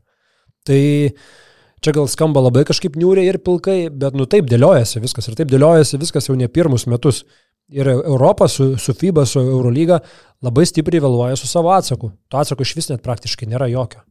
Tai ir viskas prasideda nuo jaunimo krepšinio. gal geriau nematyti problemos. Uh, nu tada patogiau, žinai, kaip pavyzdžiui, po kilimu, jam prišikta, uždėjai kilimą ir, ir apsimetė, kad nieko nėra. Ir toliau sėdi namuose, žinai, nu, smirda, tai smirda, o ką, ką žinau, iš kur čia smirda. Nieko, nes čia tokia situacija, kur Eurolyga irgi įkaitai, o ką jiems daryti 10 plus 10 kontraktėlis. Toks yra kontraktas, aš nemaišau. 10 plus 10, bet uh, nu, buvo toks pranešimas, kad AMG tikrai nebus tie, kurie įsikandę uh, forcins tą plus 10, jie yra linkę kalbėti apie sąlygų perdėrėjimą. Akivaizdu, kad nu, tos, ta finansinė situacija pasikeitė ir jie yra, jie yra linkę prie jos taikytis. Klausimas, ar Eurolyga iš viso nori kalbėti apie persidėrėjimą, ar jie labiau yra linkę į tuo keliu, kad nukirsti tuos saitus su AMG ir pardavinėti teisės patiems. Turbūt realiau, kad jie eitų šituo keliu. Tačiau Pauliaus ir laukia didžiausias darbas būtent išspręsti šitą mėsmalę, į kurią Eurolyga pateko 2016 metais. Viena vertus, AMG jam daug davė, jie atėjo, jie pasakė, keičiam formatą, sumažinam komandų skaičių, čia vad pinigai garantuoti, bla bla bla, jie šitą padarė. Tai trumpuoju laikotarpiu tai buvo labai gerai, bet ilguoju laikotarpiu dabar gaunasi tai savotiška kilpa virš Eurolygos galvos. Jo, jo, tai sakau, dar čia viskas ir nuo to mes galėsim pamiršti dabar, kad turėjom Eurolygoje Dončičių, Vembanijamą, trumpai buvo NCA dabar belė kokius pinigus moka tam jaunimui, kad komandoms, nu, nėra kaip net auginti, jiems sueina 17-18 metų, jie pasirašo kontraktus su NCA, čia tas pats ir šiemet atsitiko, Murauskas, Kryvas ir dar daug jaunuolių išvažiuoja, nes ten NCA tiesiog pradėjo normalius pinigus mokėti, Keras Krisa keičia šią vasarą universitetą ir jo atlyginimas ten bus e, per 500 tūkstančių eurų tai, ar dolerių, tai ta prasme, keras krysa. Tai jisai nebūtų niekur Eurolygos rotacijos žaidėjas. Dvigubai už Lekavičių. No. Nu gerai, ne dvigubai, bet... Ja. Nice. Tai va tokia nice. va yra realybė dabar. A, Eurolygos formatas irgi pasikeitė. Apie Europos taurės jau užsiminėm, kad Eurolygos pleinai atsiranda, tai nežinau, čia ar čia Pauliaus dalykas, ar, ar jau tas buvo nuspręstas, sunku turbūt. Paulius sakė, kad nuo rūpiučio pradės darbus. Tai nemanau, kad čia Pauliaus sprendimas, čia jau reiškia, tas buvo seniai subrandinta, ne per dieną tokie dalykai atsiranda, bet labai smagu, kad dabar, uh, net jeigu tu lieki dešimtoj vietoj, tu dar gali uh, įkrintamųjų būdų išsikovoti teisę žaisti atkrintamosiose. Aišku, jeigu tu liksi dešimtas, tai bus nužiauriai sunku, nes yra vienerios rungtynės su devinta komanda išvykoj, turi jie apsilošti, ir vienerios rungtynės su septinta, aštunta komanda išvykoj, turi jie apsilošti.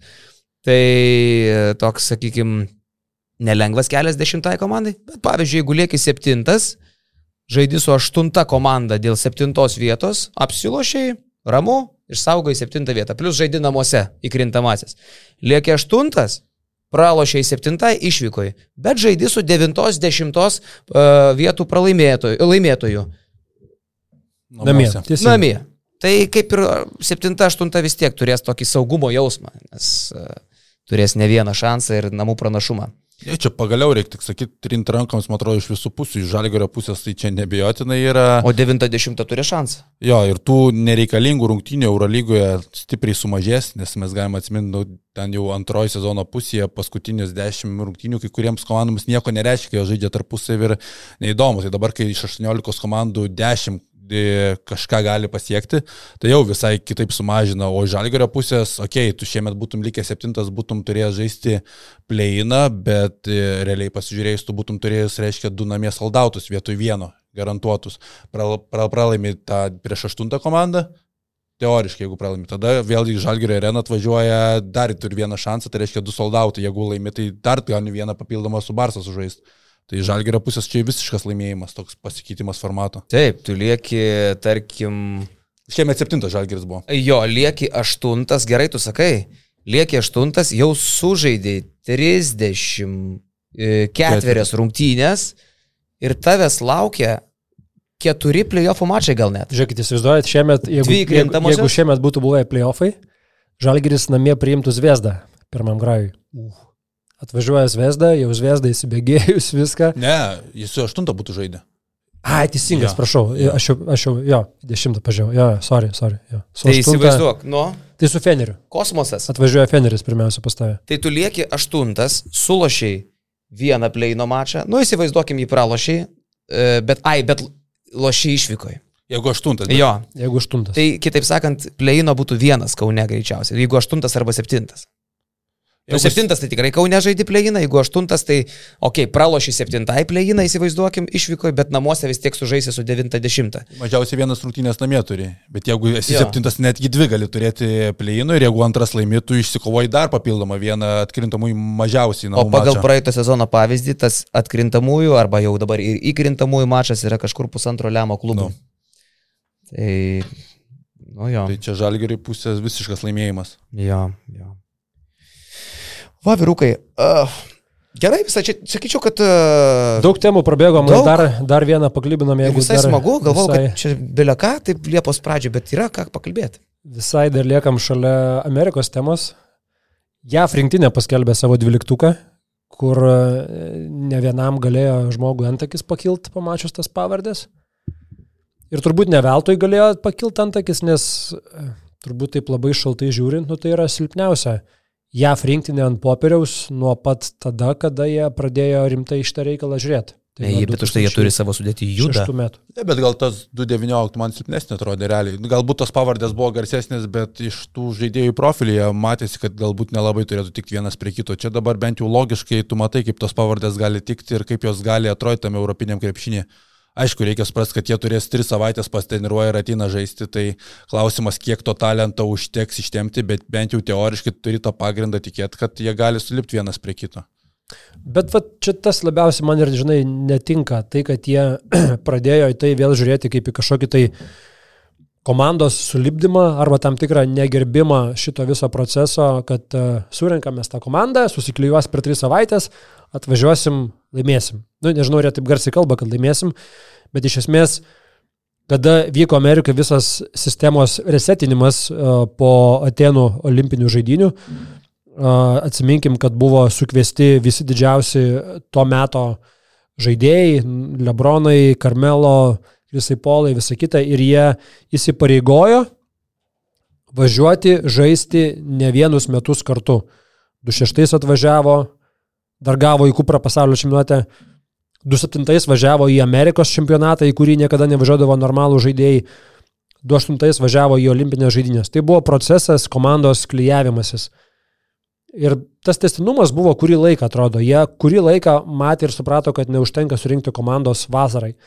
Čia toks vėl, okei, okay, logiškas, ta prasme, yra metikai, yra, yra keli, ypatingai gerai besiginantys žaidėjai, yra akcentas ant e, gynėjų, yra turbūt mintis, kad Ingramas bus komandos lyderis ir šis aplink kurį suksis nemažai dalykų, ne? Bet iš esmės tai yra, kad tu sumeti į, į katilą 12 žaidėjų ir per 3 savaitės jūs tapkite komandą. Man šitas kažkaip neskamba gerai. Nu jo, apskritai dabar atrodo, kad JAV rinktinė vėl pasidarius taip, kaip e, kitos šalis futbole žiūri olimpinės žaidynės, tai e, JAV krepšinio rinktinė yra atvirkščiai, olimpinės žaidynės yra viskas, kur atvažiuoja didžiausios žvaigždės, o visi kiti turnyrai, tie, kur jie tiesiog antraeiliai turnyrai ir, ir nelabai rimtai yra tai žiūrima. Tai iš tos pusės taip, bet man e, įdomiausia yra bankero situacija. Būtent. Aš vad Judas, sakiau, Italijos išdavikas. Bet aš įsivaizduoju, kad buvo taip, okei, okay, žaisiu, žaisiu už italus, už italus, tada atvažiavo Poceko, pakalbėjo su Poceko ir tada persigalvojo. Jis nekalbėjo su Poceko. Bet į sezono metu buvo kalbama, kad nuskrido Poceko pas jį. Buvo Bet nuskridęs. jisai, kai atskrido į Italiją, tipo, Po Poceko jo, norėjo vasarą, susitikti, vasarą. o jis demonstratyviai atsisakė susitikti su Poceko. Jo, bet žem, e, man atrodo, sezono metu buvo Poceko į Ameriką nuskridęs. Tai tu spėjai, kad jį Amerikoje Poceko išgazdino? Lemba gal ir išgazdino, po to tas jo pasisakymas, manau, nepridėjo. Ką sakė Poceko, neatsimenu. Nu, kur Poceko apie amerikiečius krepšininkus pradėjo Kad kalbėti. amerikiečiai atvažiavę čia nelabai moka žaisti sistemoje. ir A, jo, jo, pamenu. Mm. Tai, nu, manau, kad čia visko gali būti, nes bankero pradžių tai labai atrodė degė norų žaisti už italus, bet labai staigiai tas pasikeitė. Kažkas turėjo atsitikti. Arba, nu, arba tiesiog, vad, garantuotą vietą žinojo, kad turi JAF rinktinėje garantuotą galimybę laimėti uh, pasaulio, bent jau garantuotą galimybę, nes italai galimybės laimėti pasaulio čempionatą neturėtų bet kuriu atveju. Amerika turi galimybę laimėti pasaulio čempionatą. Tu žaidži Amerikos žinai- Šlovingiausio visų laikų pasaulio komandai. Čia būtų toks sukretimas turbūt italams, mums būtų Matas Buzelis, jeigu kviečiamas Lietuvos rinkinė, atstovausi Lietuvai ir galiausiai tu gauni tą pakvietimą ant stalo padėti ir Buzelis pasirenka Ameriką. Panašaus lygio, pirmas šaukimas bankero. Bet matai, e, bankero palauk, mama atrodo Italija, tėvas amerikietis ar atvirkščiai. Bankero šaknis tikrai žymiai tolimesnės negu buzelio. Mm, Bet man atrodo, kad tėvai, vienas iš tėvų yra italas. O Buzelio, žinai, abu tėvai lietuviai, taip, taip. Aidas Buzelis ilgametis rinktinės dalyvis. Ja, bet aš tik savo kokio lygio tai būtų sukretimas, tik toks va pasirinkimas. Didesnis sukretimas būtų. Bankero net nėra Italijoje buvęs. Jo, didesnis sukretimas. Čia, jeigu Buzelis va dabar jau po viso šito, kaip Homičius nuvažiavo ir ten įteikė ne, ne Šišką kaip tau, o, o marškinėlius įteikė ir, ir paspaudė rankas ir jau čia Aš viskas valdai. nuspręsta. Jeigu Buzelis tai padarytų, bet tai neįmanoma. Tai tiesiog neįmanoma. Šiaip FIBA turėtų būti nemenkas galvos skausmas, matant, kas darosi su pasaulio čempionato žaidėjais ir rinktinių sudėtimis. Jie padarė tą pakeitimą, kad pasaulio čempionatas taptų svarbesnis, didesnis per pasaulio čempą patenkėjo olimpinės žaidynės. Ir matom dabar tas pas Vembanijamas sako, mm, dviejus metus pailiui, dvi vasaras kažkur žaist, mm, mm, mm, mm, ne, ne, ne, aš šiemet aš nusiemu, kitais metais olimpinės, ten sudalyvausiu žiūri tą pačią Amerikos rinktinę, šiemet jinai atrodo visai kitaip neatrodys kitais metais, kai A lygio žvaigždės norėjo žaisti olimpinėse žaidynėse, šiemet nenori žaisti. Tai FIBA tikrai turi galvoj kirbėti klausimas apie tai, kiek ilgai dar mes kesim olimpinės žaidynės. Aš, mano spėjimas būtų, kad jie kad 24 olimpinės žaidynės yra paskutinės, kada FIBA ten leidžia dalyvauti stipriausiam rinktiniam. Drąsu. 28, manau, jie pradės riboti kokį amžių, kaip riboja FIFA futbolo rinktinių. Ir akcentuoti 3 prieš 3 krepšinį. Akcentuoti 3 prieš 3, jo. Ta prasme, nes čia yra neiš, neišvengiama, mano galva neišvengiama, matant, kaip stipriai kenčia tavo produktas, ant kurio tu statai visą savo piramidę, pasaulio čempionatas. Ir jie atvažiuoja, kas? Nėra žaidėjų. Tai Grafikas. Mes jau pasidarėm kaip Amerikos rinktinė, mes jau nebevažiuojam. net Kemzūro nevažiuoja. Nu, net, net Kemzūro nevažiuoja, tai čia viskas. jau net džyvinė išlaikė nervai, kur žmogus nelabai kada Instagram'e komentuoja, bet pas mus praeitą savaitę pakomentavo. Tai kas dar? Parašė rimtai? Yeah. Kur Lekšas e, nubreikino naujieną apie Kemzūrą, mūsų paveiksliukas Instagram'e, kas dar? Tai sakau, tai FIBai, FIBai dėliojant tuos grafikus, dėliojant juos pakankamai logiškai, darant vieną vasarą laisvą, tada Eurobasketas, tada teoriškai laisva, pasaulio čempas laisva, jeigu turim omeny, kad yra olimpinės žaidynės laisvos. Tai kas dviejus metus kažkur važiuoti, važiuoti į FIBOS turnyrus, o ne į olimpinės žaidynės. Aš manau, kad tai neišvengiama. Manau, kad 24 bus paskutinės olimpinės, kuriuose realiai bus stiprus olimpiniai čempionai. Bet žinai, kas yra? O mums vis tiek būtų įdomu. Mes leistume jaunimą, e, talentingą jaunimą. Mes jaunime visada esame vieni geriausių pasaulyje. Mūsų jaunimo rinktinių rezultatai tą rodo, JV kartą apskritai ten. Ispanija.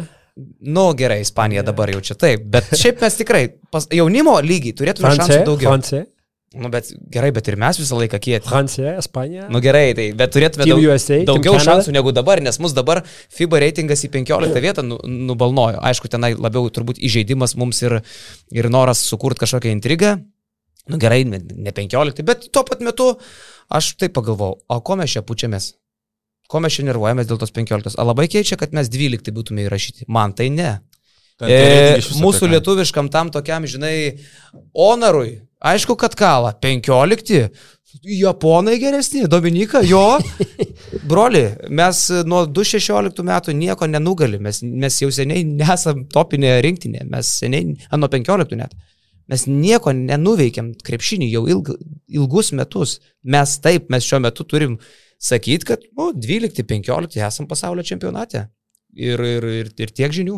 Aš, Bet aš, aš, aš, aš tikiuosi, kad Dživy pamatė 15, tada paėmė kamuliuką ir nuėjo kokį šimtą trajekų įmetė ant tų nervų, žinai. Nu, taip, tai ir tegul tik nuvažiuoja ir parodo, kad yra kitaip, nes šiai minutė su mūsų sudėtim tai uh, E, man tai net ir patinka, kad mūsų taip nieks neįvertina, nei, nei gerbė, nes paskutinį kartą, kai taip buvo, tai buvo labai gerai. Ir nuvažiuoti be lūkesčių, be spaudimo bus smagiau. Bet vad jeigu jaunimas loštų olimpiadai, tai mums ir šansų būtų daugiau.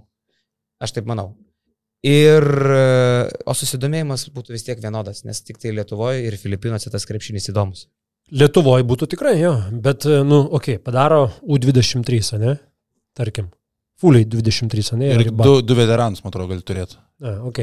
Jo, padarytas amžius limitas ir du veteranai gali atvaryti. Nu, tai va, tai va. JV važiuoja vis tiek su tais to jaunimu. Nu. O va, dar sakėm, Amerika paskelbė ir prancūzai paskelbė sudėtėlę. Tai blemba taip žiūri į prancūzų sudėtį ir nu, okei, okay, Amerikos rinktinė, aišku, bus pirmas reitingas ir yra, bet prancūzų komanda, nu, tarkim, priekinė linija, tai tiesiog valosi kojas į Amerikos priekinę liniją. Mm, Rudy Goberas, Mustafa Falas ir Matijasas Lesoras, plus Jebuselė.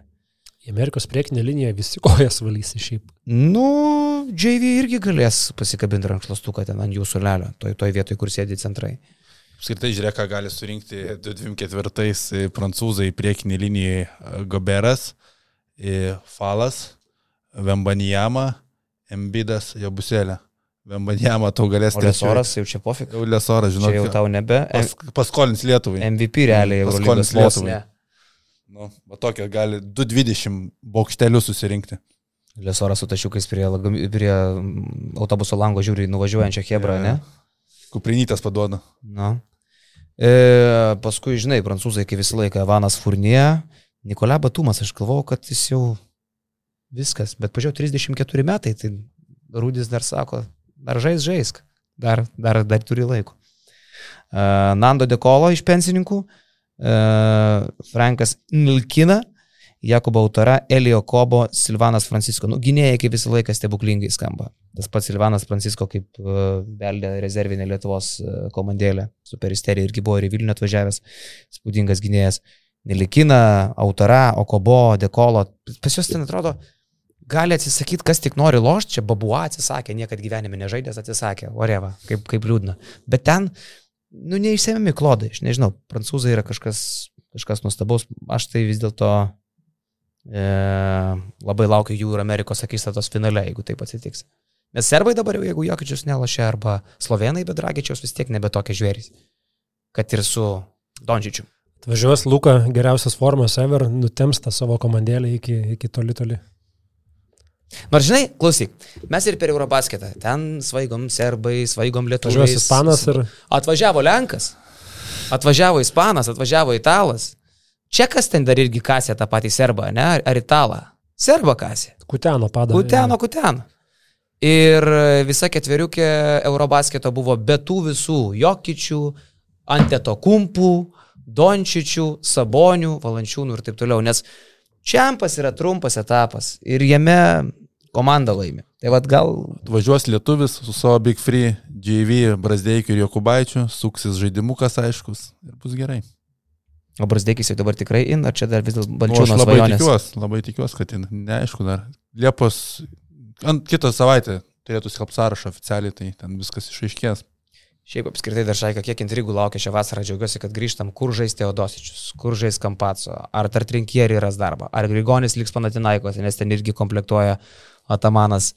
Kuriais Dimau? Žvėrių laivą. Jo, Dimau irgi be darbo. Uh, Lietuvoje klausimų daugiau nei atsakymų. Apie pasaulio čiampą aš jau nešneku. Nu, duok dievę, kad nepaaiškėtų, kad dar kažkas atkrenta, nes tada tikrai užsikalsim langušį. Mm. JV gal pasakys, ai. Biliama, čia būtų virš visko, žinai, ant viršaus pamatė. Ai, na. Jums nereikia, man nereikia. Kam čia įdomu? Varam į... Varam. Tai palauk, dabar trečiadienį darom podcast'o, ne? Dabar trečiadienį darom gyvūniai, jo. Grįžtam visų pajėgumų. Jeigu dar balsas iki tol išliks. Grįžtam visų pajėgumų. Tai jo, atostogos baigtos, nutrauktos. Taip. Išspardytos. Ir labai gerai. Daug darbų laukia šią vasarą, dar vat, apie kai kuriuos netrukus ir pranešim. Dar neleidžia plėtkinti Jonas iki galo, bet E, varom su e, pliusų podcastų trečiadienį, tai mačiau, kad vienas kitas pliusas kažkur tai pabėgo. Tai jeigu pabėgo, tai sugrįžkit pats laikas, nes e, trečiadienį klausimai atsakymai būsim kaip niekad atviri ir šilti. Leikite įsijungę.